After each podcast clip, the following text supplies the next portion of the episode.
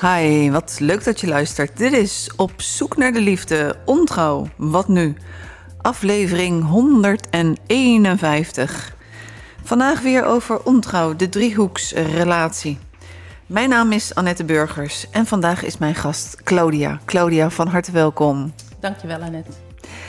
Claudia is niet jouw echte naam. We hebben ervoor gekozen om deze naam te bedenken in verband met de privacy van jou en iedereen die om jou heen is. Mijn naam is Annette Burgers en ik ben de ontrouw-expert van Nederland. Ik maak deze podcast voor jou. Jij bent vreemd gegaan of je gaat vreemd. Of je bent bedrogen. Of je bent de derde in het verhaal. Je loopt rond met schuld of schaamte en om jou heen zijn vooral oordelen. Elke aflevering een ander aspect van deze driehoeksrelatie. En vandaag Claudia met haar verhaal. Voordat ik begin wil ik jou vast wijzen op mijn gratis aan te vragen e-book om jezelf weer op de rit te zetten en schuld en schaamte op te ruimen. Je kunt je inschrijven voor mijn liefdesbrief. Die waarvan ik altijd zeg twee wekelijks komt, maar het duurt maar en het duurt maar. Daar zitten wel eens wat grotere pauzes tussen. Dat kan via mijn website www.youtubecoaching.nl. Als je een vraag hebt of ik je kan helpen en kan begeleiden, dan kan je dit verzoek sturen naar info.youtubecoaching.nl. Dan gaan we beginnen. Claudia. Nou, super, uh, super welkom hier uh, in het Haagse. Dankjewel. Je hebt inmiddels uh, gemerkt hoe het werkt hier met het OV. Ja. en en karwei om, om in Den Haag uiteindelijk de, mijn huis te vinden. Klopt, maar het is gelukt. Het is gelukt, dus dat is het allerbelangrijkste. Uh, ik, ja, ik ben benieuwd. De driehoeksrelatie, de driehoeksverhouding. Welke rol is voor jou? Uh, de rol die ik heb in dit geval is de bedrogene. De bedrogene.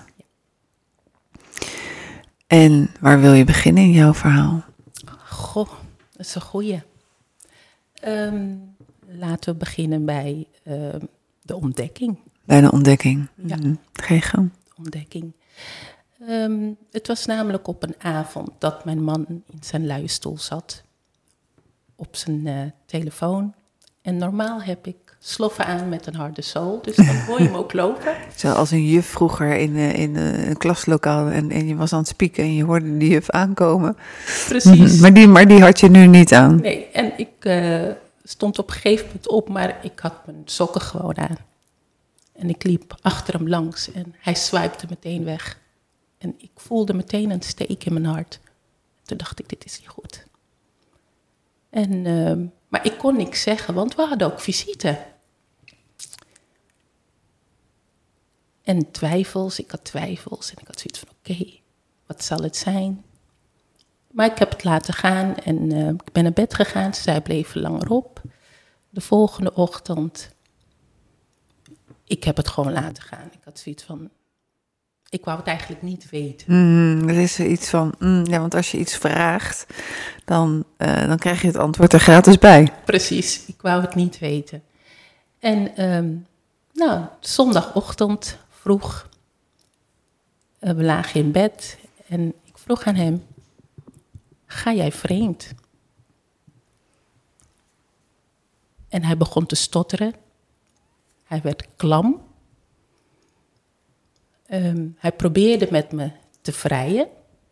Eigenlijk een soort van afleiden, zeg maar. En um, ik ging uh, doorvragen en toen begon hij dus van... Ja, maar jij denkt dat ik vreemd ga en misschien ga jij vreemd. En toen wist ik het al. Hmm, het kan omkeren. Ja, dus ik uh, liep naar beneden. Maar ja, de visite sliep beneden. En ik zocht zijn mobieltje, want die ligt altijd in de kast beneden. Maar die lag niet in de kast. Dus ik liep weer naar boven. En hij stond boven aan de trap met zijn mobieltje, probeerde hij iets te wissen. En we zijn toen de slaapkamer ingegaan. Maar mijn oudste zoon die hoorde al van, hé, hey, dit is niet goed. Dus hij heeft zijn broertje wakker gemaakt en is naar beneden toe gegaan. Zodat wij rustig konden praten. En ik bleef kalm. Ik moest kalm blijven, want we hadden visite. En toen had hij het toegegeven, maar hij minimaliseerde alles. En op een gegeven moment gingen we naar beneden. En ik moest natuurlijk vrolijk blijven doen. Ja, een waanzinnige opgave. oh, dat was het zeker.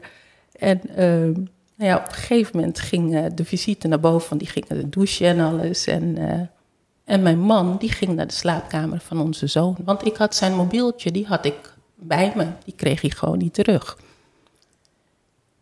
En op een gegeven moment uh, ging ik naar de slaapkamer van mijn zoon. En ik zag mijn man dus achter de computer zitten, maar het scherm was uit. Dus hij loopt weg, gaat naar beneden, naar de visite toe. En ik doe de computer aan en ik druk op geschiedenis. En ik zie dus een hele korte conversatie tussen hem en zijn vriendin. Over van grote ruzie. Mevrouw is erachter gekomen. Um, als ze contact met je op mocht nemen, zeg dat het pas twee maanden aan de gang is. Um, en zij vroeg, wat is haar nummer? Dus hij tikte mijn nummer in. Toen zei ze van, nou weet je wat, um, ik neem gewoon niet op, mocht ze bellen. Dus dat, dat, was eigenlijk heel grappig. En, nee, grappig, ik zou zeggen nou, pijnlijk. Ja, nou, ik was eigenlijk in shock. Ook gewoon van, hoe dom kan je zijn? En uh, ik riep hem. Maar ja, ik moest nog steeds vrolijk blijven, hè, want ik had voor de steeds, visite. En voor mijn kinderen. En uh, hij kwam naar boven, dus ik liet hem het scherm zien. En toen is hij weer naar beneden gegaan. En toen heb ik de conversatie overgenomen. En toen heb ik gezegd van, goh, ik ben die en die. Um, ik begrijp dat jij de vriendin van mijn man bent. En uh, kunnen we praten? Nou ja, dat ging op een gegeven moment ging dat redelijk goed. En ik vroeg of zij een partner had. Zij had een partner. Dus toen heb ik haar ook uitgenodigd met haar partner. Van, goh, is het een idee om samen rondom de tafel te gaan zitten? Hoe, hoe kwam je daarop om in een split second, hè, alles was nog zo vers om, uh, om dan tot die uitnodiging te komen? Omdat ik wou weten hoe het daadwerkelijk zat. Mm -hmm. En van mijn man zou ik het antwoord niet krijgen. En ik dacht van, laat me gewoon beleefd blijven. En misschien wilt ze me tegemoet komen. Nou, dat wou ze niet. En, um, ze, ze reageerde dat ze niet wilde komen met de man. Ja. En um, nou ja, goed, we hebben het gelaten voor wat het was. Want haar man was, wist er natuurlijk ook niet van. Nee, nee, nee, die wist van niks. En um, nou ja, mijn man die was eigenlijk helemaal verslagen. Ik had hem nog nooit zo gezien, echt verslagen. En toen heb ik tegen hem gezegd van, goh, ga even douchen, want we hebben nog steeds visite. en um, die zijn gewoon de hele zondag gebleven tot zondagavond. Dus het was een lange zit. Ja, dat is ontzettend moeilijk om dan in dat toneelstuk te, te, te, te, spelen. Of ben je een geboren actrice? Nee, totaal niet. Maar ik moest... Kwam uit je tenen, het moest? Ik moest de rust behouden voor mijn kinderen en voor de visite. En de visite is weggegaan en we hebben even gesproken. En uh, ik heb mijn schoonouders opgebeld en verteld wat er aan de hand was. Zij waren geschrokken. En um, nou ja, daarna heb ik eigenlijk gewoon geen gesprek meer met hem gevoerd, want ik was gewoon echt op. Ook vanwege de visite, hè, want je moet en blijven entertainen. En aan de andere kant weet je van, er is chaos op komst. Ja. En um, de volgende dag moest ik naar mijn werk. Ja, hoe doe je dat? Ik ben naar mijn werk toe gegaan en tot op de dag van vandaag kan ik je eigenlijk niet zeggen van hoe het is gegaan. Het is voorbij me gegaan. Ik wist wel dat ik heel veel mails niet begreep. Ik moest echt een aantal keer lezen, omdat ik er gewoon. Je was gewoon in shock. Ik was in shock. En ik kwam thuis en toen kreeg ik een belletje van, uh, van zijn vriendin. En um, ze was heel verdrietig. Heel erg verdrietig. En ik begreep haar. En um, dus... Kan je uitleggen wat, uh, voordat je zegt van ik begreep haar, wat was het verdriet van die vriendin? Waar was ze verdrietig over? Ik kan me bedenken dat ze verdrietig zou kunnen zijn over uh, wat ze jou had aangedaan. Ik kan bedenken dat ze verdriet slash angst zou hebben van... oh, straks gaat Claudia naar mijn partner. Ik kan bedenken dat ze verdriet zou hebben over... ehm, ja, eh, als eh, Claudia het nu weet... eh, dan zie ik mijn, mijn minnaar niet meer. Misschien zijn er nog meer redenen. Het lijkt wel een soort van multiple, multiple choice vraag. Maar wat, waar bestond haar verdriet uit? Ehm, ik denk zelf dat haar verdriet eruit bestond eh, in die zin van waar ben ik mee bezig? En het was meer omdat ze zei van ik ben gisteren eh, naar het graf van mijn moeder toegegaan en gehuild en gezegd van goh, wat ben ik aan het doen? Waar ben ik mee bezig? En dat raakte me enorm, want ik heb ook mijn moeder verloren. Dus ik begreep haar verdriet op dat moment. Ehm, nou ja, we hebben het gelaten voor wat het was. En ik heb daarna geen contact meer met haar gehad. En eh, ja, mijn man was natuurlijk eh, in alle staten. En eh, die zei meteen al van... ja, ik, ik, ik moet hulp zoeken, want dit is niet goed. En nou ja, uiteindelijk, hij trok het voortouw. Ging in therapie. En ehm, uiteindelijk moest ik ook aanwezig zijn. En de vraag van de therapeuten uit was: ik kan wel met jullie werken, maar de affaire moet geheel over zijn, Geamputeerd. geamputeerd zijn, ja. En hij gaf toe dat dat zo was. En ehm, nou ja, maar op een gegeven moment ehm, zei ik van, goh, ik zeg, dit gaat hem echt niet worden. Ik zie het niet meer zitten en eh, ik denk dat we moeten gaan scheiden. En eh, Wat, wat maakte dat jij het niet zag, meer zag zitten en dat je dan toch overwoog om te gaan scheiden? Omdat we in het verleden heel vaak afspraken hebben gemaakt hierover. Van goh, mocht een van ons verliefd worden op een ander, wees eerlijk. Hè, dan, dan gaan we ieder onze eigen weg. En dat was gewoon heel duidelijk. En ik moet ook eerlijk bekennen, de afgelopen jaren hebben we dat niet meer besproken. Maar ik ging ervan uit dat die afspraak nog steeds stond. Ja, maar als een afspraak duidelijk is, dan hoeft die natuurlijk ook niet eh, elke maand eh, herhaald te worden. Precies. En ik heb toen een afspraak gemaakt met een, eh, een advocaat. En ehm, ben er ook geweest. En die zei: Joh, dit is te vroeg. Zulke drastische beslissingen kan je nu niet nemen. Je denkt niet helder na. Geef het een half jaar tot een jaar. Scheiden kan altijd nog.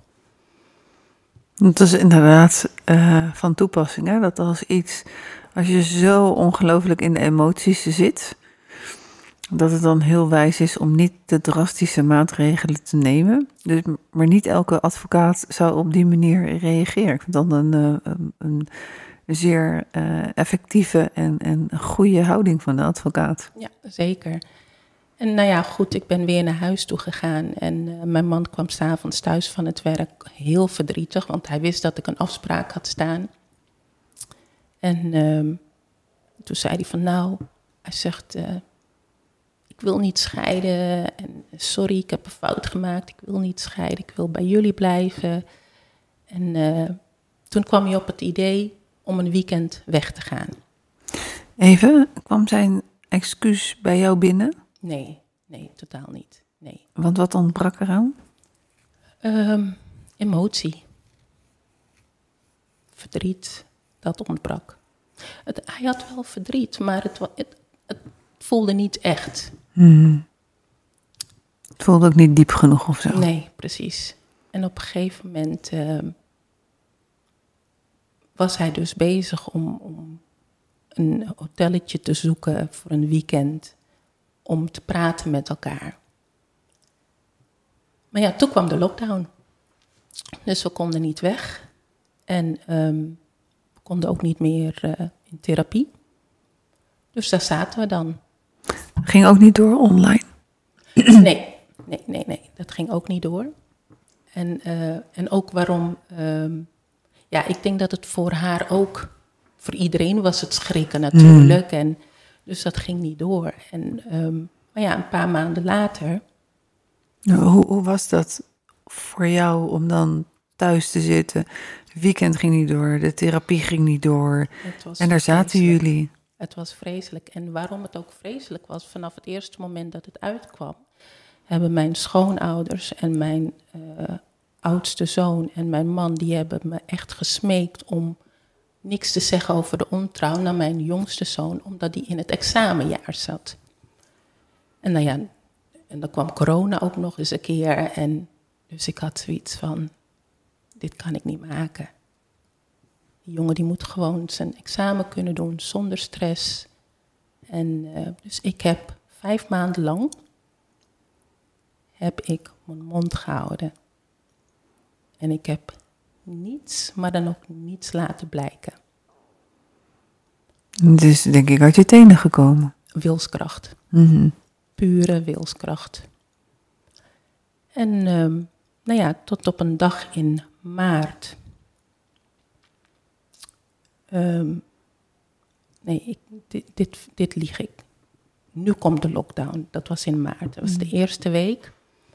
En, uh, maar in de tussentijd heb ik inderdaad mijn mond gehouden. En ik werkte thuis en mijn man was, het was de eerste week van de lockdown en mijn man die was nog, nog op kantoor om dingen te regelen. En ik was aardappelen aan het schillen nadat ik klaar was met werken. En toen dacht ik, ik moet hem even een berichtje sturen. Maar terwijl ik aan het schillen was, druk ik op zijn profiel en ik zag online. Ja, prima, kan. Maar hij was wel heel erg lang online. En toen dacht ik, nee hè, nee. Dit kan niet waar zijn. Dus ik ging naar haar profiel en zij was ook online. Dus 1 en 1 is 2. Ja, dus ik heb dat even in de gaten gehouden en toen wist ik het. En hij kwam toen s'avonds thuis en toen heb ik het hem ook gevraagd van, goh, heb jij nog contact met je vriendin? Nee, hoe kom je daar nou bij? Allemaal weer verzinsels en uh, ik zeg oké. Ik zeg, ik denk dat je nog contact met haar hebt. Ja, nee, ik zweer het. Ik zweer het op die, ik zweer het op die. Dan dacht ik, oh, je gaat nu wel heel erg ver. Ook zweren op jullie kinderen? Nee, dat niet. Dat niet? Nee. En uh, de volgende ochtend, ik heb het ook weer gelaten voor wat het was. En de volgende ochtend is hij naar zijn werk toe gegaan en ik was boven aan het werk. En ik had een oud mobieltje en mijn eigen mobiel. En dan heb ik het op zijn profiel gezet en op haar profiel. En het ging de hele dag zo door. Online, voor het laatst gezien, één op één. Maar ondertussen maakte ik wel foto's. Ik denk, ja, weet je. Je wordt een soort van privédetective, hè? Oh, je moest eens weten. En ik weet niet wat er gebeurde, maar op een gegeven moment knapte er iets in me. En ik heb gegild, gegild, gegild. Ik kon het niet meer in me houden. Ik heb zo gegild. En ik heb mijn man opgebeld, huilend. En ik vroeg aan hem, wat heb ik jou aangedaan? Dat je zo met me omgaat. Toen vroeg hij, waar heb je het over? Ik zeg, nou, ik zeg, ik zie dat jullie allebei tegelijkertijd online zijn. Ja, dat is niet waar. Dus het werd een halen en trekken. En op een gegeven moment zei ik van, nou weet je, ik heb iemand ingeschakeld die heel goed is met online onderzoeken. En ik heb net de gegevens bevestigd gekregen. En toen gaf hij het toe. En toen vroeg hij, kunnen we straks thuis samen praten? Ik zeg, uh, ja, dat is goed. Ik zeg, maar je gaat wel vanavond de deur uit. Dat was goed. Maar ondertussen, dat ik zo verdrietig was en mijn jongste zoon was beneden, die sliep, dus die hoorde me gillen. En die vroeg van, die kwam, die vroeg van, mam, wat is er, wat is er? En toen zei ik, niks, niks, niks, niks, niks. En toen ging mijn telefoon, dat was zijn vriendin. En ze was niet zo aardig tegen me. Ze genoot ervan. Want wat zei ze? Um, eerst zei ze dat. Uh, ja, dat ik naïef was. Ik was dom. En ik heb haar uh, gevraagd van, goh, weet je, nu daar het weer ontdekt is, je mag hem hebben. Kom hem alsjeblieft halen. Ik leg zijn spullen klaar en dan mag je hem komen halen. En dat wou ze niet. Want ze had ook een man thuis zitten, dus hij kon niet bij ze intrekken. En dat zei ze ook. En mijn zoon die had dus al door van... Hier is iets gaande. Ja, en mijn zoon begon zo te huilen. En ik heb opgehangen. En mijn telefoon bleef maar overgaan, bleef maar overgaan. Was dat elke keer zijn vriendin weer? Ja. En ehm, mijn zoon die nam toen op, die was toen 16. En die smeekte haar huilend om zijn vader met rust te laten, om ons met rust te laten. En ze lachten hem uit. En toen begon hij nog harder te huilen. En toen heb ik de telefoon afgepakt en uitgemaakt. En toen wist ik, vanaf dat moment wist ik van, dit is groter dan ik gedacht had. Ja. Mijn schoonouders uh, heb ik opgebeld en verteld dus dat de affaire niet gestopt was en of ze hem konden ophalen. Ze zijn geweest. Um, mijn man kwam thuis. Smiddags gaf hij het toe. Maar toen zijn ouders erbij waren, ontkende hij het. Maar ik had de foto's, dus ik liet het aan mijn schoonouders zien. En mijn schoonvader zei, ja, jij gaat gewoon vreemd. Het is nooit gestopt. En toen gaf hij het toe. Hij heeft zijn spullen ingepakt. Mijn jongste zoon die was alleen maar aan het huilen. Mijn schoonmoeder was aan het huilen. Mijn schoonvader was van slag. Mijn oudste die zat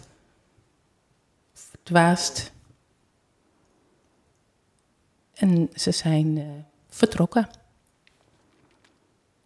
En de volgende dag, volgende ochtend, heb ik hem nog even gevraagd.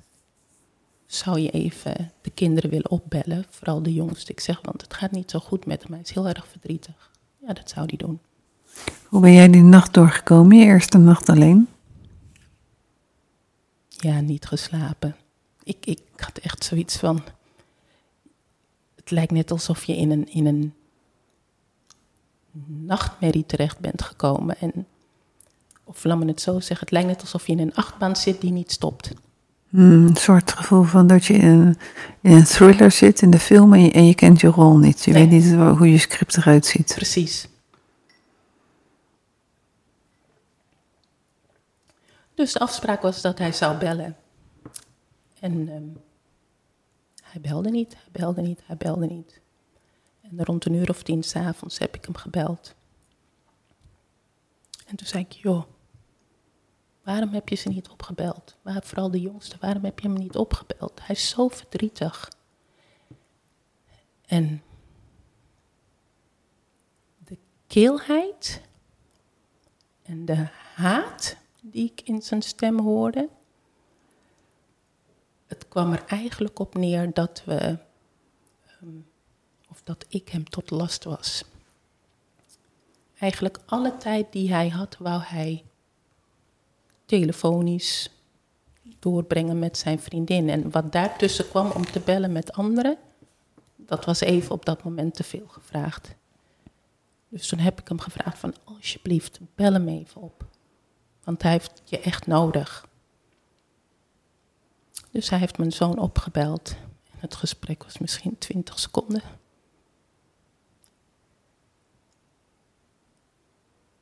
ik kon het niet geloven. Ik denk, joh, wat er gisteravond is gebeurd. Je hebt je uh, kinderen helemaal in shock achtergelaten.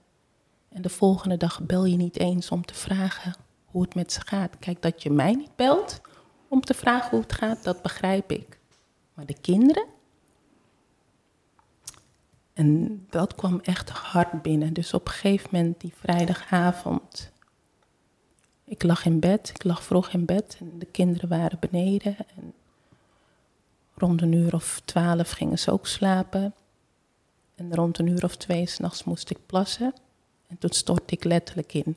Ik heb gegild. Ik denk dat de buren het ook gehoord hebben. Ik heb gehuild. Ik lag op de grond te spugen in de toiletpot. Ik hield de toiletpot vast. En mijn kinderen die zaten gewoon naast me op de grond. Te wrijven over mijn rug. Hmm. En niemand zei iets. Niemand zei iets. Ze hebben me op moeten tillen. Ik kon niet meer staan.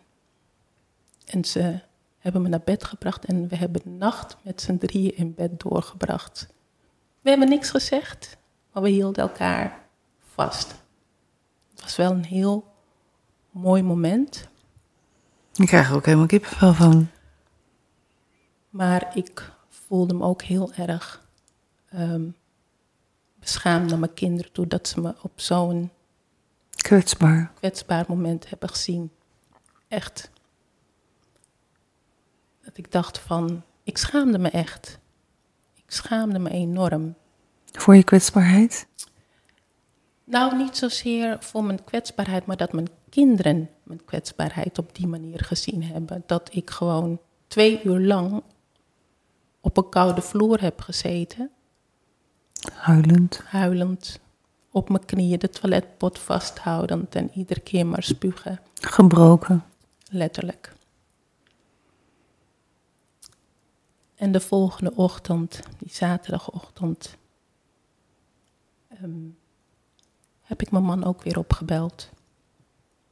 En niet om ruzie te zoeken, helemaal niet. Ik heb heel rustig met hem gesproken en toen zei ik van, joh, er is vannacht iets gebeurd en ik denk dat ehm, de jongens je nodig hebben, want die hebben vannacht iets meegemaakt en ik weet niet, ik ben nu niet in staat om, ze, om er voor ze te zijn. Want ik ben zelf ook een wrak. En hij begon te lachen. En hij zei dat ik ze zag vliegen. En toen dacht ik echt van, wie is deze man? Dus toen heb ik ook gezegd van, weet je wat? Het contact stopt hier. En ik ga je blokkeren. En dat heb ik ook gedaan. En ik heb eh, wekenlang niks van hem gehoord. En toen kwam er een moment dat eh, we de belastingaangiftes moesten doen.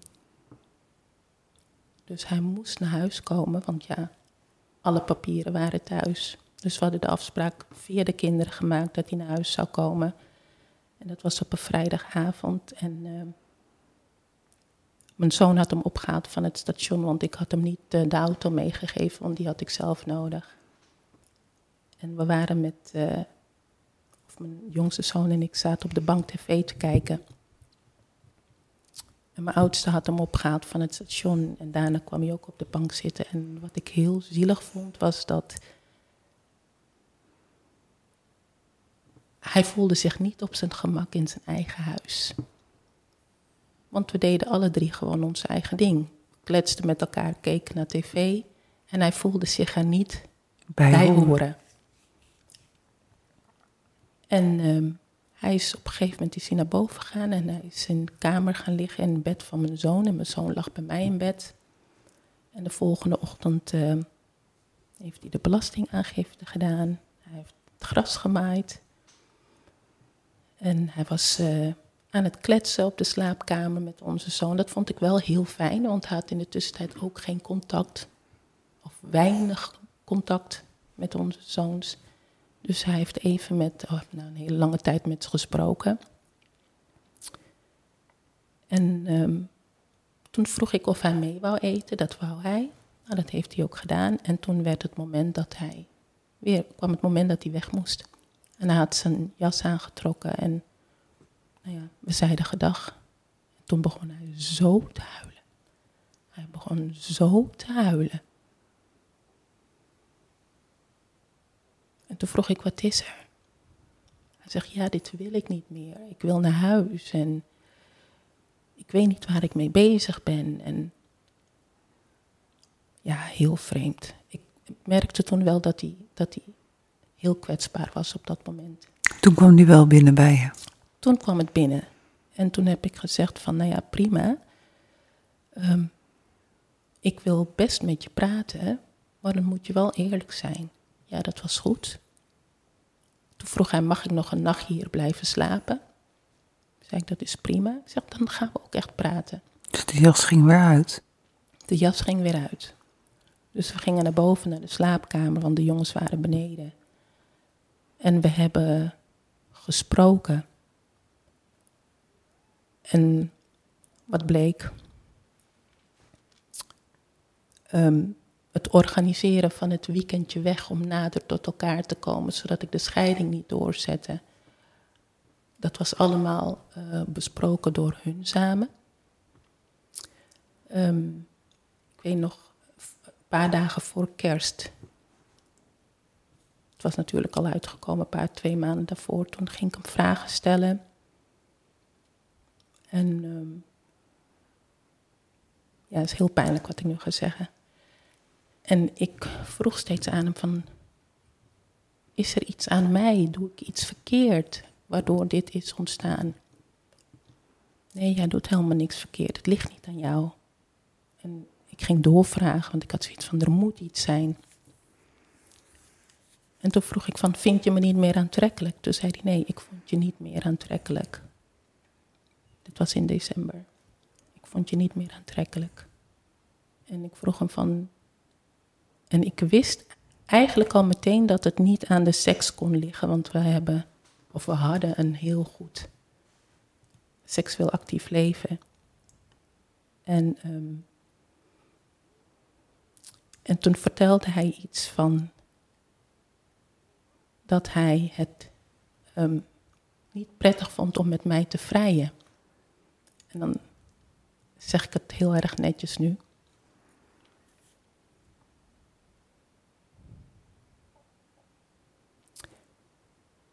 En, um, want we hadden vaak de gewoonte dat meestal op de zaterdag of zondagochtend, als we een beetje geklungeld hadden in huis, de een gaat douchen of dan gaf hij me een knipoog. Dan wist ik al van, oh, hij wil vrij onder de douche, weet je. Dus dan huppelde ik eronder.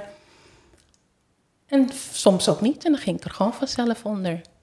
En dat vond hij niet leuk. Want hij was natuurlijk verliefd op die andere mevrouw. Dus vanaf het moment dat hij um, dat vertelde, dat hij mij niet aantrekkelijk vond en um, dat hij het niet fijn vond om met mij te vrijen, toen hebben we ook um, iets langer dan een jaar geen seks gehad. En we zijn nu drie jaar verder. En tot op de dag van vandaag heeft mijn man mij nooit meer naakt gezien onder de douche of overdag. We vrijen wel, maar het is altijd in het donker, in de slaapkamer. En nou ja, goed. Dus op een gegeven moment, we konden weer naar relatietherapie. En toen heb ik het haar ook verteld van, goh, de affaire was niet gestopt. Zij was ook geschrokken. Um, we hebben dus ik loop even vooruit. Terwijl we in de slaapkamer zaten, dat we inderdaad gesprekken voerden over wat er aan de hand was, hoe en wat. Zijn we weer naar beneden gegaan en heeft hij met de jongens gesproken. En hij heeft ook aan de jongens verteld: Ik wil terug naar huis. Ik wil bij jullie zijn. Maar ik ga mijn vriendin wel erg missen. En toen dacht ik: Zeg je dit tegen de jongens? En ik keek naar de jongens om te kijken naar hun reactie. En toen zeiden ze van, ja pap, dat begrijpen we, dat begrijpen we. Maar je moet een keuze maken. Mm, dat verstandig. Ja. Of je gaat verder met haar, of je gaat verder met ons.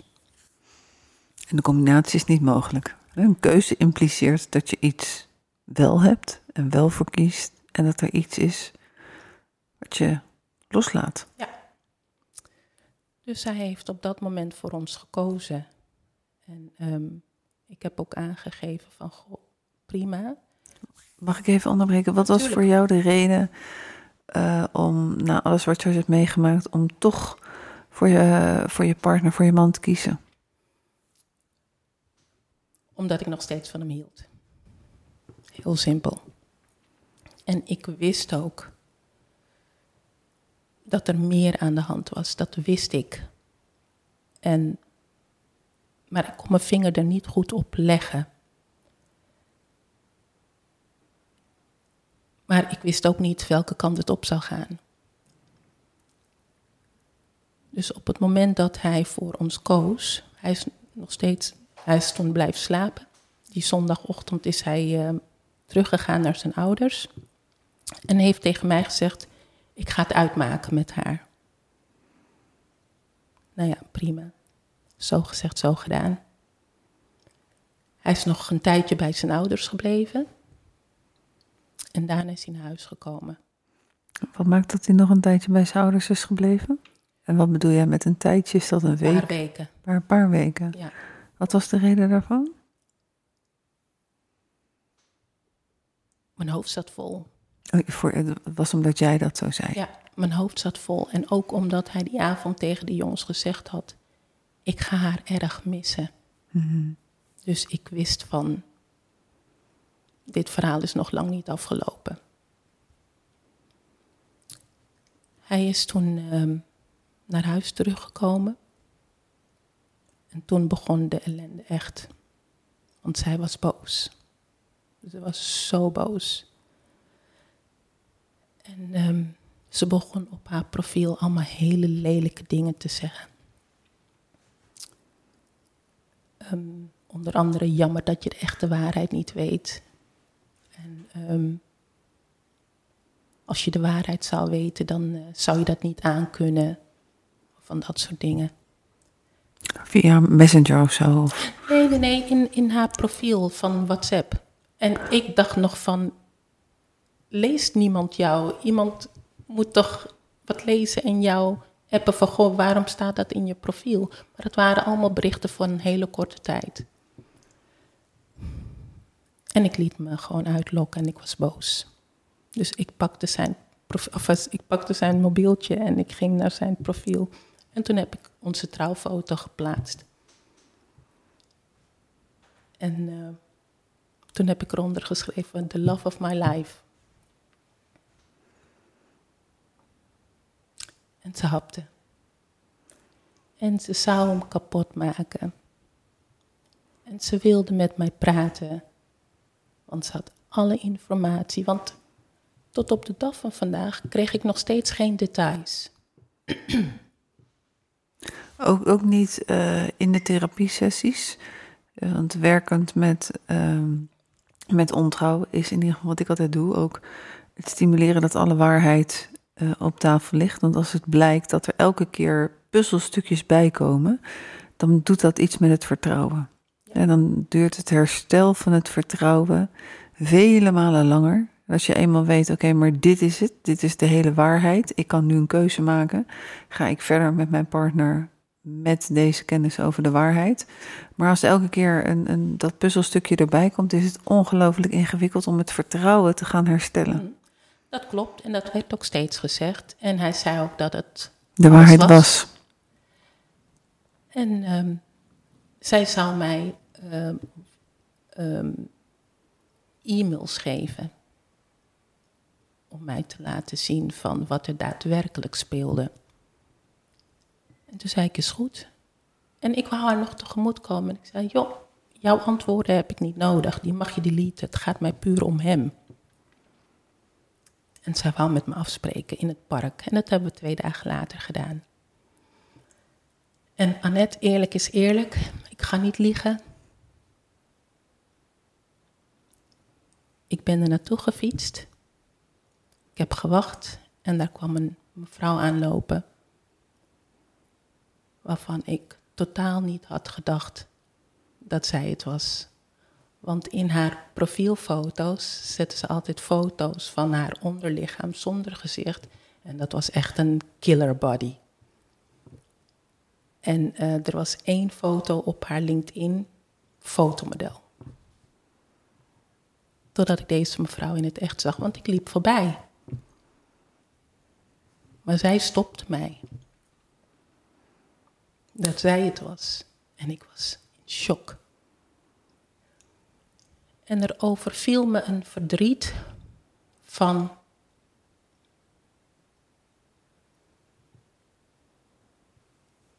Ik had altijd gedacht dat als iemand vreemd zou gaan, dat het met een. Mooiere, jongere, Juist, dunnere. Juist, eh, inderdaad. En dat was deze mevrouw niet. En ze zag dat ik geschrokken was. En toen zei ze nog, dat vond ik wel grappig, ik moest er ook om lachen. Ze zei, ja, ik ben heel goed met photoshoppen. Dat zei ze ook gewoon, ik moest er ook om lachen. En ik wist al, toen ik op haar, in het begin op haar LinkedIn had gekeken, toen wist ik al van, er speelt meer bij deze mevrouw. We gaan het park in, we gaan op een bankje zitten. En in de tussentijd belt mijn man haar op. Terwijl ik ernaast zit. Hij wist niet dat jullie hadden afgesproken. Hij wist eh, door het appcontact, wist hij, want dat kon hij meelezen, dat ze zijn leven kapot zou maken. Maar ik had gezegd, goh, ik moet naar kantoor en ik moet reizen daarvoor, dus ik ben een lange tijd weg. Dus ik zie jullie later. Maar ik had met haar afgesproken, dus hij dacht, zij is naar kantoor. Dus dan kan ik even rustig met mijn vriendin bellen. Terwijl het officieel klaar was. Ja. Dus ik zit naast haar. De telefoon gaat.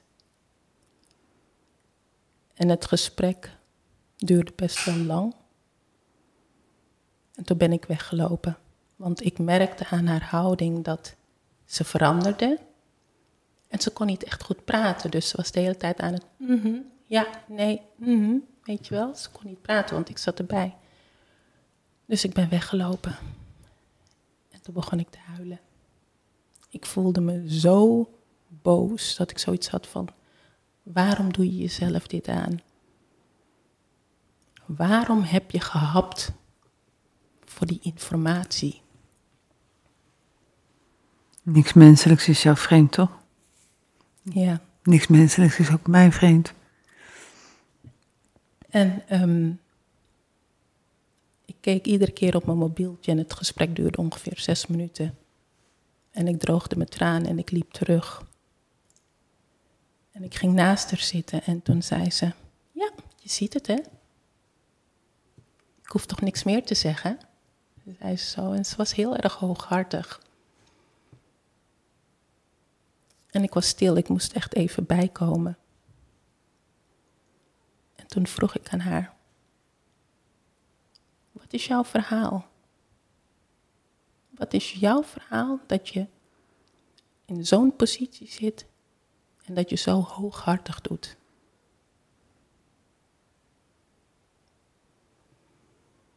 Ze keek me aan. En ze zuchtte heel diep. En toen begonnen we te praten. En toen vertelde ze me dat ze een klote jeugd had gehad. Ze kon geen kinderen krijgen. Had heel veel miskramen gehad. Heel veel miskramen. Ehm, ze was uitbehandeld ehm, in het VMC. Ze was aan het kijken of ze naar België kon. Toen begreep ik het. Ik begreep haar. En wat begreep je dan? Dat ze liefde zocht, aandacht. Want ze zei ook van dat het zo'n zwaar traject was voor ze en de teleurstellingen dat zij en haar partner uit elkaar zijn gegroeid. En toen vroeg ik aan haar wat de connectie was tussen haar en mijn man. En toen zei ze zijn humor. En toen moest ik glimlachen, want ik ken dat. En zijn zachtaardigheid. Toen dacht ik, ja, die heb ik de laatste tijd niet gezien, maar goed, Je herkende het wel. ik herkende het. En op een gegeven moment wou ze me de mails niet meer geven. Maar wat ik had gedaan, was dat ik had natuurlijk weer dat oude mobieltje meegenomen. En die had ik op record gezet in mijn tas, in mijn fietskrat. Als die echte privédetective. Oh, hou op. Het heeft me ook in problemen gebracht hoor. En ehm, zij vertelde me een aantal dingen. En dat vertelde ze eigenlijk alsof het niet echt belangrijk was. Dat ze mijn kinderen achtervolgde. Niet letterlijk met die woorden. Maar zij wist wanneer de jongste moest voetballen. Want ze zaten op dezelfde voetbalvereniging. Zij ook. Mijn man en mijn zoon. En ehm, de oudste die zette heel vaak filmpjes van de gym op Facebook. En die had altijd vaste tijden. Dus daar was ze ook naartoe gegaan. Dus daar was ik best wel van geschrokken. Ze vertelde dat ze zwanger was. In de periode dat ze met mijn man omging, maar dat stukje heb ik niet gehoord. Want ik vond het nog steeds heel erg overweldigend om naast de vriendin van mijn man te zitten. Dat is zo. Het is een hele rare gewaarwording. En dat je nog een normaal gesprek kan voeren zonder dat je elkaar de hersenpan inslaat. En ik ben weggegaan met een goed gevoel. Hoe heb je afscheid genomen? Um, we hebben elkaar gewoon gedag gezegd. En, um, Zo, doei? Ja, eigenlijk wel. Uh, ik heb wel in de tussentijd steeds gesmeekt om de mails, maar op een gegeven moment had ik door van die ga ik niet krijgen, dus ik heb het gelaten voor wat het was. En wat was haar reden daarvoor? Want daarmee had ze je gelokt natuurlijk. Ja, haar reden was dat ze me in het echt wou zien, want ze had hele mooie foto's van mij gezien op Facebook. En dat zei ze ook. Ze zegt, je bent zo'n mooie vrouw. Ze wou mij in het echt zien. Dat was haar reden. Dus ik ben naar huis gefietst. En mijn man was aan het werk. En ik kom binnen en ik vraag aan hem: Goh, heb je nog contact met haar gehad? Nee, nee, ik heb geen contact met haar gehad. En toen werd ik boos. En toen heb ik gezegd van je hebt wel contact met haar gehad. Want toen jij haar belde, zat ik naast haar in het park. En jij hebt tegen haar gezegd, mijn vrouw is naar het werk en ik bel met het nummer van kantoor, zodat mijn vrouw niet kan zien dat ik jou gebeld heb. Nou, toen gaf je toe. En toen ging het er best wel even heftig aan toe, want ik was zo boos. Ik had echt het gevoel dat ik het hele huis kort en klein kon slaan en dat het me echt helemaal niks kon schelen. En ik greep hem ook echt beet. Van ik maak je af. En mijn oudste die kwam tussen beiden. En die zei, mam, rustig, rustig. Dus ik ben weggelopen, want dat liegen iedere keer. Ik, ik begrijp dat niet. Dus ik vertelde mijn zoon het gesprek die we hadden gevoerd. En ik vertelde hem van, zes een aantal keer naar de gym geweest. Om naar je te kijken. En toen zei hij, zegt mam, hij zegt, maak je daar geen zorgen over. Hij zegt, ik denk dat zij zo nieuwsgierig is geweest naar zijn leven, naar de mensen in zijn leven, dat ze die van dichtbij wou zien. Toen ging ik erover nadenken. Toen dacht ik, ja, dat klopt wel, want ze wou mij ook in het echt zien. Foto's is natuurlijk wel wat anders dan dat iemand echt face-to-face voor je staat. Klinkt ook wel als een obsessie, hè? Ja, mm. was het ook voor haar. Maar voor beide. Nou ja, goed. We zijn uh, verder in therapie gegaan. Nee, ik jok. Die avond inderdaad dat ik hem vastpakte en boos was. En ik kon niet meer praten. Ik ben in bed gaan liggen. Ik kon niet slapen. En ik had die opname nog van, van het parkgesprek. Dus ik ging het heel rustig beluisteren. En toen hoorde ik het verhaal van dat ze dus zwanger was. Weer terugspoelen. Hè? Ik denk van, hoor ik het nou goed? In welke context vertelt ze dat? Iedere keer terugspoelen, want je gaat aan jezelf twijfelen. En mijn man sliep natuurlijk in de kamer van mijn zoon. En het was twee uur s'nachts en ik maakte hem wakker. Ik zeg, goh, kan je even meelopen? Ik wil je wat laten horen. Dus ik liet het hem horen. Hij zegt, meen je dit nou? Was ze zwanger? Ja, ze was zwanger. Nou, dat vond hij verschrikkelijk. En dat hebben we ook besproken bij de therapeuten. En op een gegeven moment, um, de therapeute ging met zwangerschapsverlof.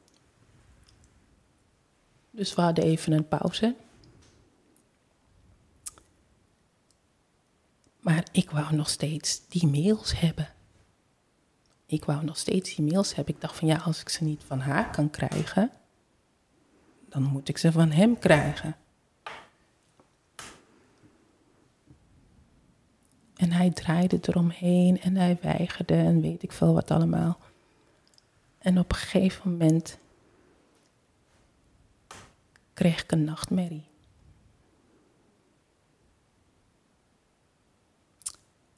En in mijn slaap lag ik een dutje te doen op de bank. Soms heb je het, hè, dat als je, of je nou slaapt of niet, als iemand heel lang naar je kijkt, dat je het voelt. Mhm dat er iemand naar je kijkt. En dat had ik dus ook in die droom. Dus ik lag op de bank en ik voelde dat er iemand naar me keek. En ik deed mijn ogen open en mijn man stond boven me met een hele grote slang om zijn nek. En hield de kop vast en bracht die kop dus met een open bek naar mijn gezicht toe. En ik gilde, ik gilde, ik werd echt gillend wakker. Maar hij werd schreeuwend wakker, want hij lag naast me. En toen vroeg hij, wat is er, wat is er? Toen zei ik, niks, niks, niks. Maar ik was, mijn hart ging tekeer. En toen wist ik, er staat iets te gebeuren. Er staat iets te gebeuren. En ik was zo bang. En ik wist aan de ene kant niet van uit welke hoek gaat het komen. En aan de andere kant wist ik van gaat het uit die hoek komen. Twee weken later, we zijn weer aan het discussiëren over die mails. En ik was er zo klaar mee. Want ik wilde weten waar ik aan toe was. Want als zij plannen hadden gemaakt, dan had ik het helemaal losgelaten. Want in de tussentijd, hij huilde zo vaak, smeekte zoveel, dat hij zijn huwelijk wou redden. Maar ik had zoiets van, je hebt al zoveel verteld wat gelogen is, wat op papier staat, Lieg niet. Het is geen leugen. Dus ik wou die mails hebben. Ik was zo gefixeerd op die mails. Dus op een ochtend zei ik, ik, ik sloeg ook echt met mijn vuist op tafel. En nu is het afgelopen. Ik zeg, ik wil die mails hebben. Ik zeg, en als het moet, dan regel je ze maar bij haar. Ik ga nu weg. Ik ga boodschappen doen. Ik moet naar de huisarts. En dan hoor ik het wel. En ik had weer oude mobieltje op record gezet. Op de kast.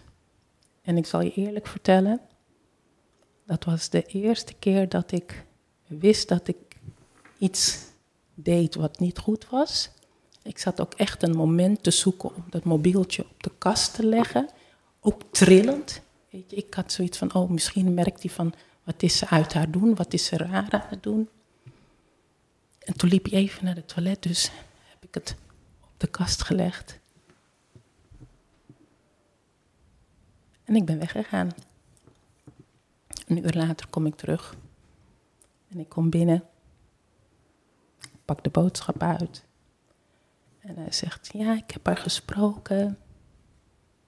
En uh, Ze zegt, klootzak, ik wil niks meer met je te maken hebben, bla bla bla.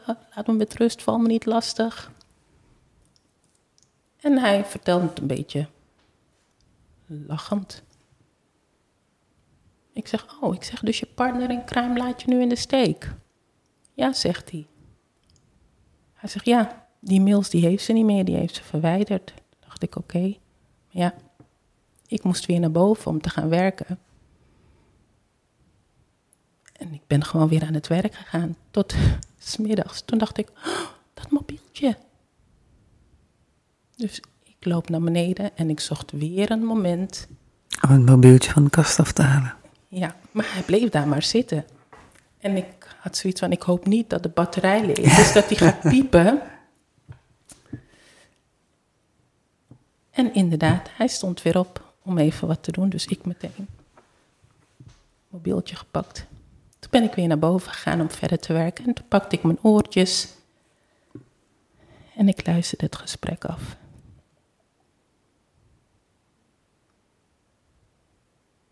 Shocking.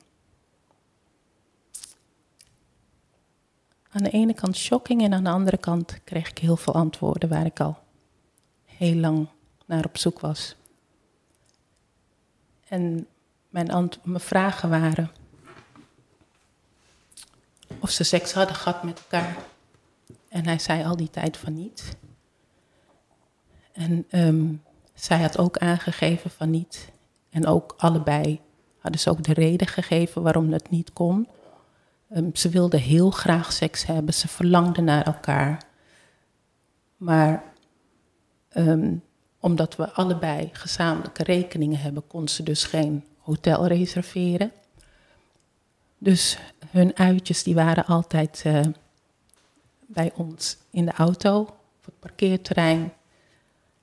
En um, dus meer konden ze niet doen. Ze wilden heel graag. Mm. Ja, seks kan je ook in de auto hebben. Ja, maar dat, dat ging dus niet. Mm.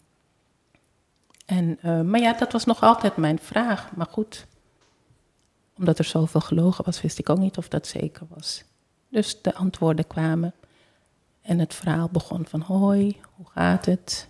Um, ja, het gaat niet zo goed. Mevrouw, ik word helemaal gek van haar. Al die vragen, al die vragen. En dan hoor je haar praten van, uh, um, kan ze het niet verwerken? Nee, nee, ze kan het inderdaad niet verwerken. Hoe lang is het nu geleden? Het is zeven maanden geleden. Zou je toch denken dat ze erover is, overheen is. Ja, want ze vraagt ook of je familie bent van dat bedrijf. Ja, ik heb maar aangegeven dat ik van niks wist. Ja, en ze vraagt steeds of we seks hebben gehad met elkaar. Ja, maar ja, wij hebben geen seks gehad met elkaar. Ik wou het heel graag, maar ja, we hebben geen seks gehad. Dus ja, ik zeg iedere keer de waarheid, maar ze gelooft het niet.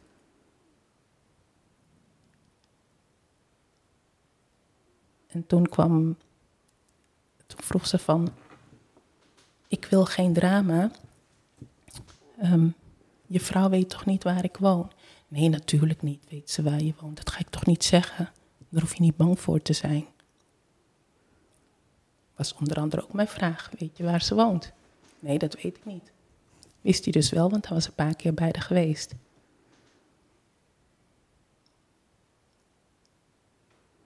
En toen kwam uh, het laatste stuk waarin uh, besproken wordt over haar zwangerschap. Bleek dus wel dat hij wist van haar zwangerschap. Ze hadden gewoon een relatie terwijl ze zwanger was. Maar dat zou weer een van de vele miskramen worden. Dus zij zagen dat niet als belangrijk.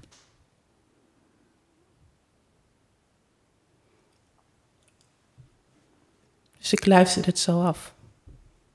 Weer in shock. Ik denk serieus. Maar ik heb gewacht. Ik heb gewacht totdat hij klaar was met werken. Want ik dacht, als ik hem nu benader, kan haar weer een mail sturen. En wat er ook nog in het gesprek werd gezegd was. Uh, ja, want uh, mevrouw is al een tijdje bezig om uh, te vragen over de mails. En ik heb een paar keer een mail naar je gestuurd met, of in haar bijzijn. Maar ik had iedere keer een punt of een komma gezet, waardoor de mail niet aankwam. Dus dan zei ik tegen mevrouw van ja, waarschijnlijk uh, is er iets met haar e-mailadres, maar het komt niet door. Maar dat had hij dus bewust gedaan. En wat er ook besproken was, is dat hij haar dus inderdaad wel een mail had gestuurd van, goh, ze voerde druk op, wist alle e-mails. Dat had hij een paar weken ervoor gedaan, dus dat had ze ook gedaan. Toen had ze ook gezegd van, ja, nee, ik heb je mailtje ontvangen en ik heb alles gewist en uh, het is nu allemaal goed. Maar ze vonden het wel lastig om dit telefonisch te bespreken, want haar man was ook in huis. En of ze uh, ja, konden afspreken. En uh, mijn man zei, hij zegt, ehm, ja, ik zou in principe vanavond wel kunnen, want ik heb vanavond om zeven uur heb ik een afspraak met de pastoor. En hij vertelde ook aan haar dat hij die week daarop uh, in therapie ging, individuele therapie. Hij vertelde haar alles. En toen zei ze dat ze niet kon afspreken omdat ze corona had. Oké. Hij heeft er bedankt en ze hebben opgehangen. En toen kwam ik. Toen uh, hij klaar was met werken, alles had afgesloten. Ik pak mijn mobieltje en mijn zoon zat op de bank. Toen dacht ik, die ga ik dat niet laten horen. Dus ik gaf hem de koptelefoon en ik druk op play. En ik zat tegenover hem aan de eettafel. Nou, het bloed trok helemaal wit weg uit zijn gezicht. Maar ik moest nog steeds kalm blijven. Want mijn zoon zat op de bank. En uiteindelijk ging mijn zoon naar boven en toen zei ik... Ik zeg, wij gaan vanavond even een bezoekje brengen aan je vriendin. Ik zeg, want haar man moet dit nu echt weten. Heel veel smeekbedes. En hij wou niet. Ik zeg, ik vind dit oneerlijk. Ik zeg, haar man hoort dit ook te weten.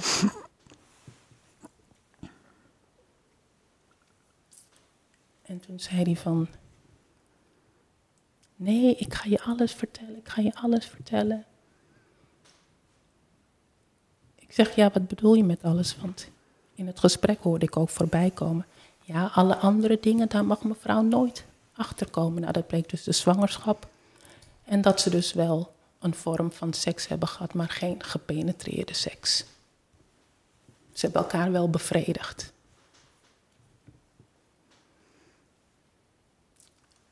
Dus ik dacht, ik ga hem bang maken. Dus ik zei ook van, nou, ik hoop voor jou dat haar man een Hells Angels figuur is. Kale hoofd, tattoos, leerjasje. En dat hij een goede les gaat leren. Want ik kon het hem niet leren. Toen werd hij nog banger. Toen werd hij pas bang, want hij had daar niet over nagedacht. Want ik zou ook van, je weet niet met wie je rotzooit. Voor hetzelfde geld. Heb je echt een Hells Angels figuur aan je deur die verhaal komt halen? Ik zeg, waar ben je mee bezig? Maar ja, toen ik dat zei en ik had echt een missie om die avond die kant op te gaan.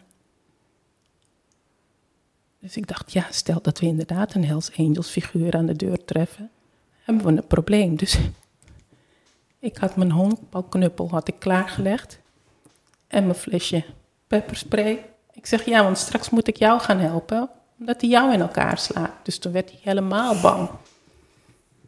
Het was echt een held op sokken. We reden in de auto. En hij was aan het smeken, smeken, smeken. En toen kwamen we dichter bij haar huis. En ik zeg, nee, dit ga je niet menen. Dit is niet waar. Dit meen je niet. En hij keek me aan. En wat bleek? Zij woont naast de voetbalvereniging. Er is maar één toegangsweg voor iedereen die het voetbalvereniging wilt bezoeken. Dan kom je langs haar huis. vertrek je, kom je ook langs haar huis. En ze woont op ongeveer twee kilometer afstand van mij. Ik woon aan de andere kant van de voetbalvereniging. Zij woont aan de andere kant van de voetbalvereniging. Dus we gingen parkeren. En ik had de honkbalknuppel en de pepperspray had ik wel in de auto gelaten. En we belden aan.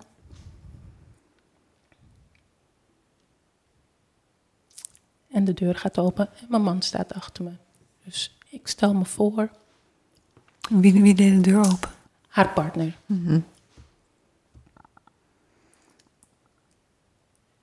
En ik stel mijn man voor en ik kijk die man aan. Toen dacht ik, hier gaan we de oorlog niet mee winnen. Dit was helaas geen Hells Angels type. Verre van. En ik vertelde hem wat er speelde. En die man was zo geschrokken. Die schoot meteen in de ontkenning dat, nee, zo was zijn vriendin helemaal niet, zo was zijn partner niet. En hij vroeg aan mijn man, wat staat er dan in mijn huis? Gewoon totale schrik natuurlijk. En mijn man begon dus het een en ander op te noemen. Maar zij had corona, dus ik hoor haar op een gegeven moment gillen, gillen. Want zo hoorde mijn stem. Gillen naar haar man. Bel de politie, bel de politie. En ik zei tegen haar man, ik heb mijn mobieltje heb ik bij me. Alle opnames, je kan alles horen. Dat wou hij niet horen. En op een gegeven moment uh, schreeuwde hij ook naar haar toe: bel, bel de politie, bel de politie. En ik was heel kalm. Het was geen kwestie van schreeuwen of wat dan ook. Hij was ook in shock. En op een gegeven moment zegt hij tegen me: Als je je benadeeld voelt, dan moet je maar naar de politie gaan. En hij doet heel voorzichtig de deur dicht. En ik ben, uh, we zijn naar huis gereden. En ik had tegen mijn man gezegd: Ik denk dat het verstandig is dat je naar je ouders toe gaat. Dus hij had een tas ingepakt en uh, is naar het station toe gelopen. Een paar weken later, nou, in mijn boosheid, die week in mijn boosheid, want ik had niet mijn verhaal kunnen vertellen aan haar partner. Ik wilde dat hij wist wat er speelde. En dat hij het zou geloven. En dat hij het zou geloven. En dat hij haar aan zou pakken. Uiteraard. En in mijn boosheid heb ik um, haar een app gestuurd. Van weinig woorden. Dat was, binnenkort weet iedereen wie je bent. En ik had de mensen waarvan ik wist die familie van haar waren. Um, haar werk. Ik wist waar ze woonde, dus ik had ook de buren erbij gezet. En ik heb heel veel mp3'tjes besteld bij AliExpress. En ik dacht, ik zet die opnames erop en ik stuur ze naar iedereen. Maar ja, AliExpress duurt natuurlijk hartstikke lang. Dus op een woensdagochtend ging de deurbel. En uh, was heel vroeg. En ik stond net op het punt om te gaan douchen. En ik kom beneden en mijn man zegt, de politie was aan de deur. Voor jou. Ik zeg, voor mij? Ja, voor jou. Ik zeg, oh wat vreemd. Hij zegt, ja, ze komen om 11 uur terug. Ja, goed. Maar ik dacht, ze komen terug om met mij in gesprek te gaan, omdat ze waren vaker aan de deur geweest in verband met een buurvrouw die in de problemen was. En daar had ik contact mee. Dus de deurbel gaat om 11 uur. En ik verwelkom ze, want ik denk, het gaat over de buurvrouw. En ze beginnen te vertellen waarvoor ze kwamen. Dat er een melding was gemaakt door zijn vriendin We gingen zitten. En ik werd een beetje. Ik, nou, ik had het gevoel dat ik werd behandeld als een crimineel. Dat ik op mijn vingers werd getikt. Van jij doet iets wat niet mag. En dat ging om het maken van de opnames. Nou, dat ging om mijn WhatsApp. Van dat iedereen te weten zou krijgen De bedreiging. wat er aan de hand was. Ik had niet in de app gezet dat ik mp3'tjes zou verspreiden. Maar de bedreiging... Ja, weet je, als je namen en adressen van mensen erin zet... dan is het duidelijk dat er dus bepaalde informatie naar die mensen toe gaat. Dus ja, ik werd eh, heel zwaar op mijn vingers getikt. En ik werd heel erg defensief en op een gegeven moment zei ik ook van... Ik zeg, dat uniform wat je nu aan hebt, maakt geen indruk op mij. Ik was heel erg boos. Ik was, ik was woedend. Ik zeg, je behandelt mij als een crimineel. Ik zeg, ga eens echt een crimineel oppakken. Ik zeg, wat kunnen jullie me maken? Dat ik een taakstraf krijg? Ik zeg, nou, wat ik tot nu toe allemaal heb meegemaakt, kom maar op.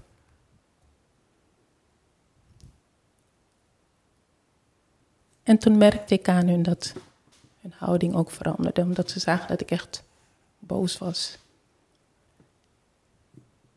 En ik kalmeerde. En toen heb ik ze verteld wat er aan de hand was. En toen hadden ze ook zoiets van: Dit is niet leuk. En ik vertelde hem, letterlijk, en ik zei tegen hen: Ik zeg, weet je, ik zeg, ik heb meegedaan aan een spel waarvan ik niet wist dat ik een deelnemer was. Ik zeg, de spelregels waren al bepaald. Ik liep met tig nul achter. Ik zeg, en op het moment dat ik een actieve deelnemer word aan het spel en dat ik de spelregels ga veranderen, raakt iedereen in paniek. En dat begreep hij. Ik zeg, en dit is wat er nu gebeurt. En hij zei ook van, ik ken je nu al een tijdje. Hij zegt, vanochtend, toen ik naar het huis liep, dacht hij, nee. Niet die vrouw. Dat kan zij niet zijn. Hij zegt, ik was zo geschrokken dat jou dit overkomen was. Hij zegt, maar je hebt er wel bedreigd. En dat mag niet. Ik zag het niet als bedreiging. Want ik heb er niet bedreigd van, ik ga je vermoorden of wat dan ook. Ik dacht alleen, hé, hey, alles kan kapot. Ik zet iedereen zijn vuile was buiten. Maar zo wordt dat dus niet gezien. Wat, wat maakt, Claudia, dat, ehm, dat, dat eh, jouw aandacht en jouw boosheid in feite ook gericht was op haar en niet op je eigen partner? Nou, hij was wel gericht op mijn eigen partner, want het was niet alleen dat ik naar haar kennissen en familie informatie zou sturen. Voor hem had ik zijn pakketje ook al klaar. En ik heb ook nog steeds het vermoeden, ook al ontkent hij, dat ze dit samen hebben besloten om de politie in te schakelen. Want ik heb het ook tegen de, want de politie die was er. De pakketjes, onder andere eh, van de conversaties van WhatsApp en van LinkedIn, had ik ook allemaal al uitgeprint en stapeltjes gemaakt. Ik hoefde het alleen maar in de brievenbus te gooien. Zowel voor haar als voor de omgeving van mijn partner. En wat voor hen de grootste bom zou zijn, was bij de voetbalvereniging. Want ze voetballen daar allebei. Ook voor die vereniging, voor de voorzitter, had ik ook een pakketje klaar. Want ik dacht echt, alles gaat kapot. Nou ja, ze zijn uiteindelijk weggegaan. Ik heb het aan mijn man gevraagd of hij hierachter zat. Zei hij nee. Maar hij gaf wel toe dat hij de actie ondersteunde. Want ook zijn leven zou kapot maken.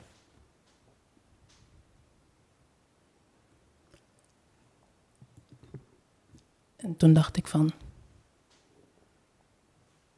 Ik had echt het gevoel van. Iedereen is nu tegen me. Zelfs de politie kon mij op de vinger stikken van hé, hey, dit mag jij niet doen. En wat hebben ze hem gevraagd? Heel weinig. Heb jij nog contact met haar? Nee, dat heb ik niet meer. Dat was het. Hmm.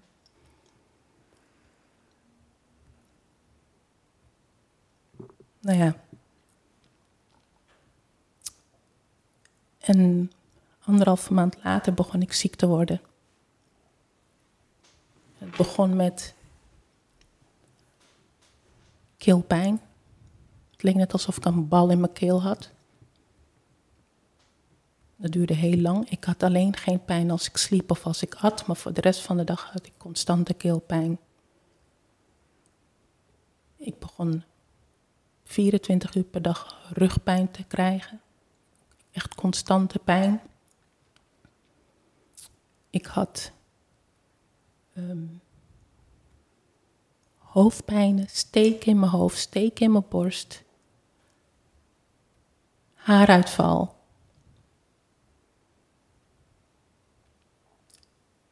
En het ergste van alles vond ik dat ik um, fouten begon te maken in mijn werk. En dat was zo erg. En ik had het niet eens door dat op een gegeven moment kreeg ik mailtjes van hé, hey, dat en dat is fout gegaan. Dat en dat is fout gegaan. En dan ging ik zoeken en denk, hoe kan dat nou? En ik, ik kon in de computer zien van mijn naam, de tijd, de dag. Maar ik kon me het niet meer herinneren. herinneren.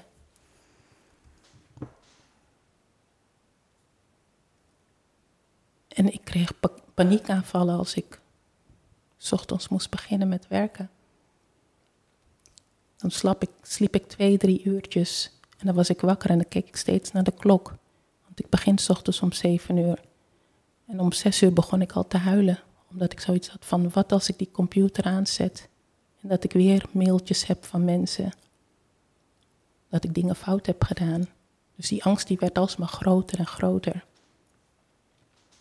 En als er dan ochtends niks was, dacht ik, oh, gelukkig. Maar dan kwam de angst weer van ja, maar je moet nog de hele dag. Straks ontdekt er iemand dat je weer iets fout hebt gedaan en dat je weer een mailtje krijgt. En het is maandenlang zo doorgegaan. En op een gegeven moment, en in de tussentijd, mijn man die liep al bij een, uh, een psycholoog en bij onze pastor. En hij had ook inmiddels EMDR gehad. En onze pastor die bleef maar naar me vragen via hem. Ik wil haar spreken, ik wil haar spreken. Toen dacht ik, ik ga niet, want die man die gaat alleen maar over vergiffenis praten. Ik denk, daar ben ik nog lang niet aan toe. Die moet ik echt niet zien. Laat me maar lekker in mijn boosheid blijven zitten. En op een gegeven moment merkte ik van, ik kan dit niet meer alleen. Dus ik ben naar hem toegegaan. We hebben gesproken en toen zei hij, wil je me één ding beloven dat je deze week naar de huisarts gaat? Ja, is goed. Dus dat heb ik gedaan. Ik ben naar de huisarts gegaan. Ik heb de huisarts alleen verteld over de fouten die ik maakte op het werk. En over de, vooral de keelpijn die ik had. En toen zei hij, ik verwijs je door, want ik liep al drie kwart jaar met pijn. Ik ben naar KNO-arts gegaan. En die ging dus met een slang in mijn neus, in mijn keel kijken. En toen zei ze, je keel is heel erg ontstoken. En uh, ik ga je medicatie geven, twee maanden, zware medicatie en daarna moet het over zijn. Goed, ik ging weer terug, ze ging weer kijken en het was er nog steeds. En toen zei ze, jij hebt um, globusgevoel in je keel en dat heeft puur met stress te maken. En toen vroeg ze,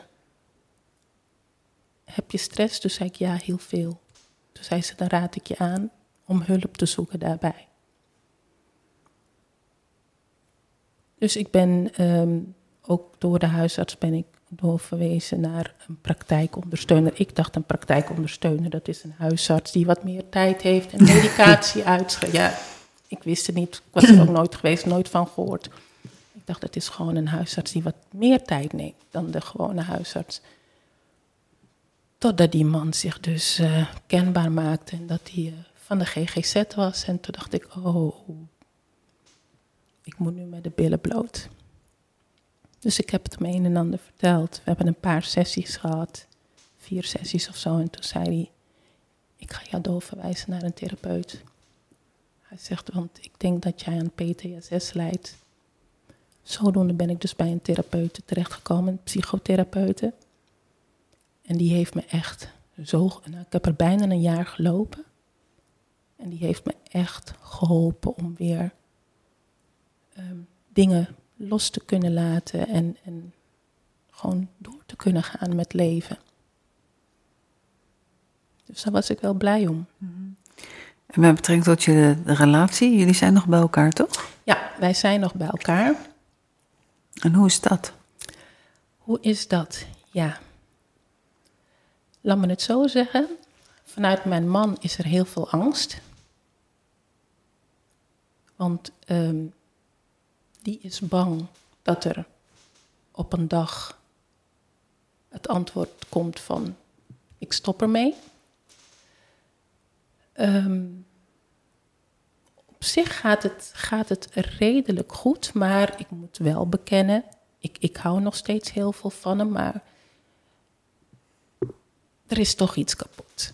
Hmm. In die zin, um, ja, hoe kan ik het het beste vergelijken? Heel vaak heb ik kriebels in mijn buik als we kletsen. Of, hè, en dan denk ik, nee. Die man is gevaarlijk. Je weet wat hij gedaan heeft. Want dan ben je het even vergeten, weet je wel. Het is net zoals bijvoorbeeld als je een kookplaat hebt en je hebt gekookt. Hm. En het is zwart en dat je hem even wilt aanraken. Maar dat je denkt dat het koud is, maar dat het alsnog heet is, zeg maar. Dat gevoel heb ik bij hem. Hoe zit het met je vertrouwen? Mijn vertrouwen, ja, ik vind het heel lastig. Want ik heb, onlangs ben ik dus weer achter iets gekomen.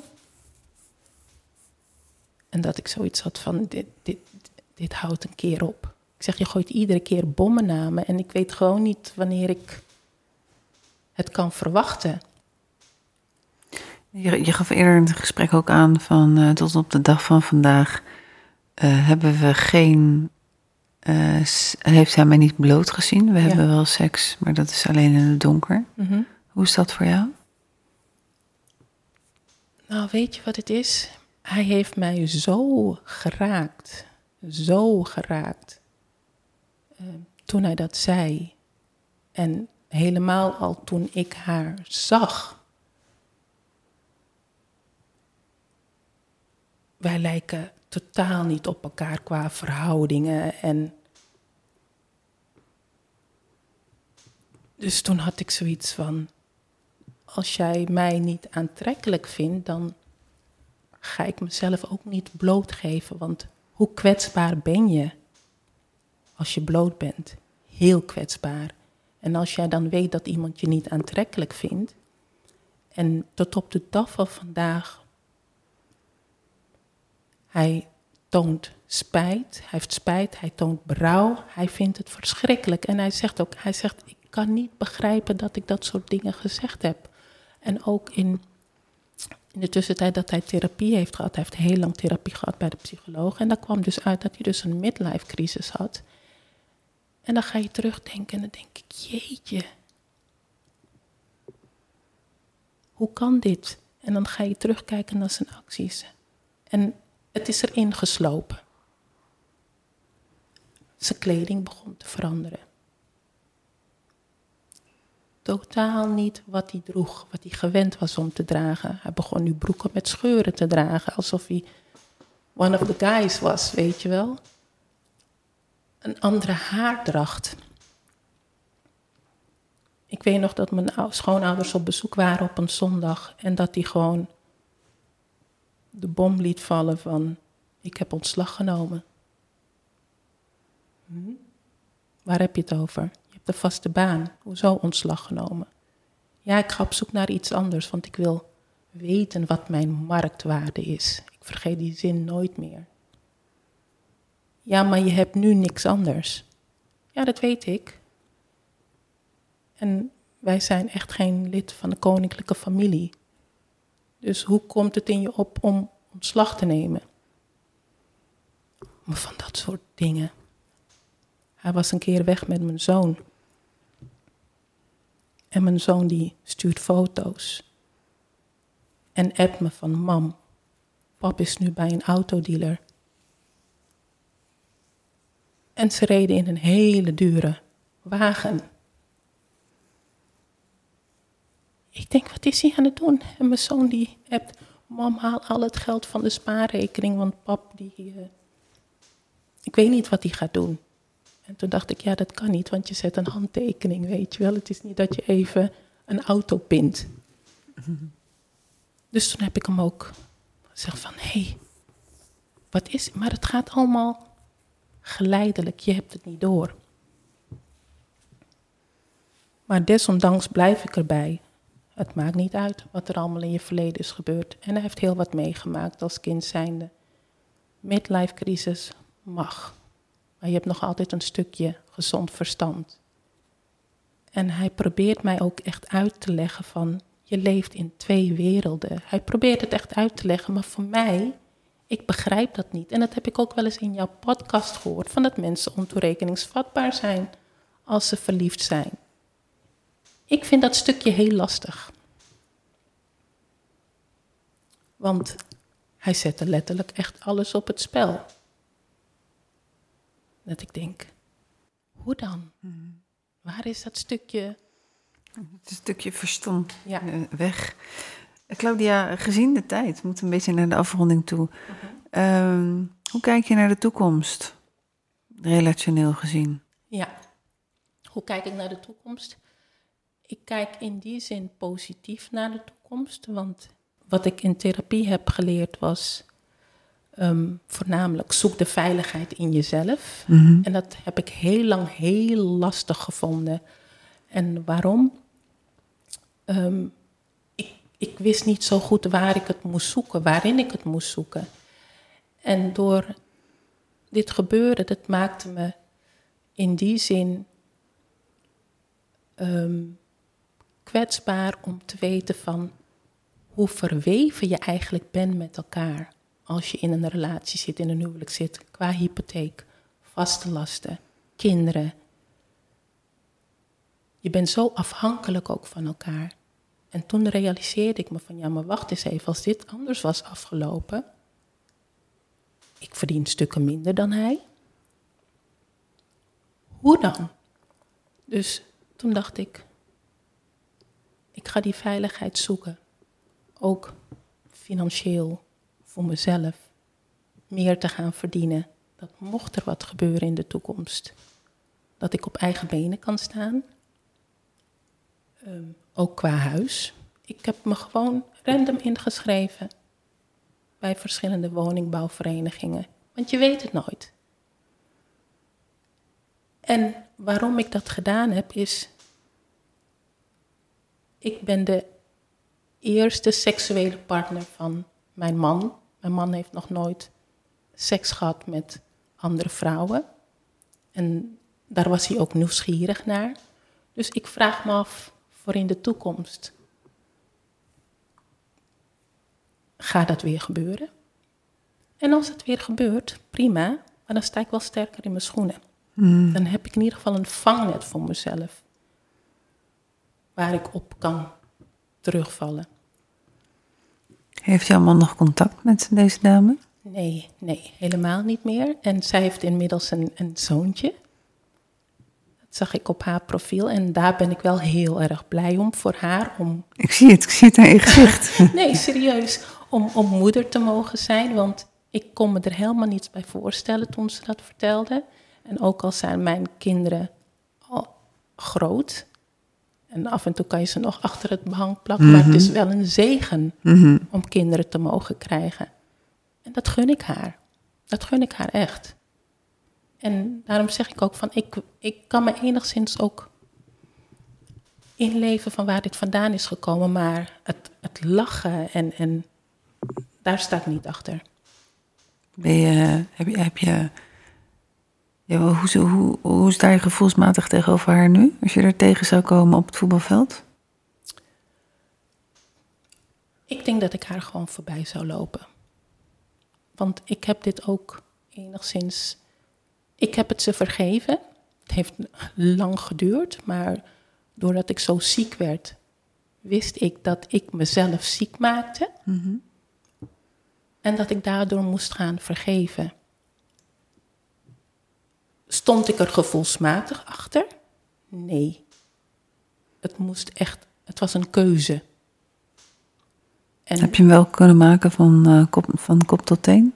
Top tot teen? De keuze heb ik kunnen maken van kop tot teen. Dat was inderdaad de keuze, maar gevoelsmatig, daar had ik wel een veel langere aanloop voor nodig. Hoe is het je gelukt? Door onder andere heel veel naar podcasts te luisteren, muziek, ehm, naar preken te luisteren. Zodoende is het me gelukt. Ja. Wat was de reden dat je verhaal wil delen? Ik heb tot en met de dag van vandaag heb ik nooit iemand wat verteld. Nooit. En geloof me, dat was een hele zware last, behalve de pastoor die er vanaf wist en mijn therapeuten. En je kan niemand bellen. Je kan met niemand erover praten. Je kan alleen maar met de pastoor of met de therapeuten praten op het moment dat de afspraak er staat. En het is niet, je praat niet zoals met een vriendin, zeg maar. Dus ik heb heel lang ehm, ja, mijn mond dicht moeten houden, totdat ik dus op jouw podcast terecht kwam en dat ik andere verhalen hoorde. En toen dacht ik, nu ga ik mijn stem laten horen. En hoe is dat bevallen om je stem te laten horen? Helend. Mhm. Dat ik nu iets voor mezelf heb gedaan. Want ik heb, voor anderen heb ik altijd mijn mond dicht gehouden. Hè, voor de lieve vrede. En nu heb ik zoiets van, weet je, we zijn alweer een stuk verder. Of een tijd verder. En het is goed zo. En we gaan ook weer in therapie. En dat is ook een eis van mij, maar ik heb ermee gewacht omdat ik vond dat hij. Zijn eigen therapie eerst ja, moest doen. En dat, dat duurde heel lang. Blijkbaar had hij dat ook nodig. En uh, we gaan ook in therapie en er is ook um, aanbevolen dat hij ook nog een stuk um, schematherapie gaat doen. En dan pakken wij het op. Hmm. Want er is gewoon, er is heel veel leed. Dus vandaar. Dankjewel voor het delen van je verhaal. Graag gedaan, Annette. Dan gaan we heel langzaam, of tenminste heel snel, naar het einde van deze podcast. Nogmaals, Claudia, dankjewel voor het delen van je verhaal. Af en toe heb ik echt kippenvel gekregen op bepaalde momenten. Ja. En fijn dat het uh, een helende werking heeft gehad. Zeker. Mocht je luisteren en mocht je ook je verhaal willen vertellen, met dat doel, ook voor anderen, om anderen te helpen. En dat ook helend kan zijn voor jezelf, zonder anderen te blamen, dan ben je van harte welkom. Annette Burgers, info at En ik weet niet of het precies over twee weken is, maar er komt hierna weer een andere podcast. Voor nu ga ik hem afsluiten. Dankjewel voor het luisteren. En Claudia, nogmaals, dankjewel. Jij ook bedankt.